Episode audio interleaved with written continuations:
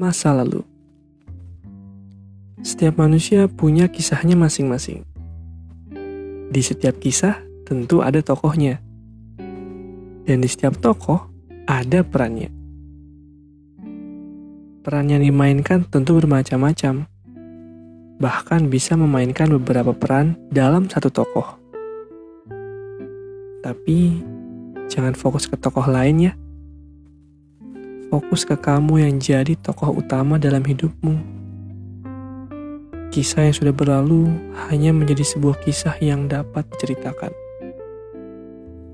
Namun, semua itu tak dapat diubah ataupun diulang kembali. Pelajari kisahmu, namun jangan trauma dengan alurnya. Karena apa yang sudah kamu lewati, itu yang membentuk dirimu sekarang.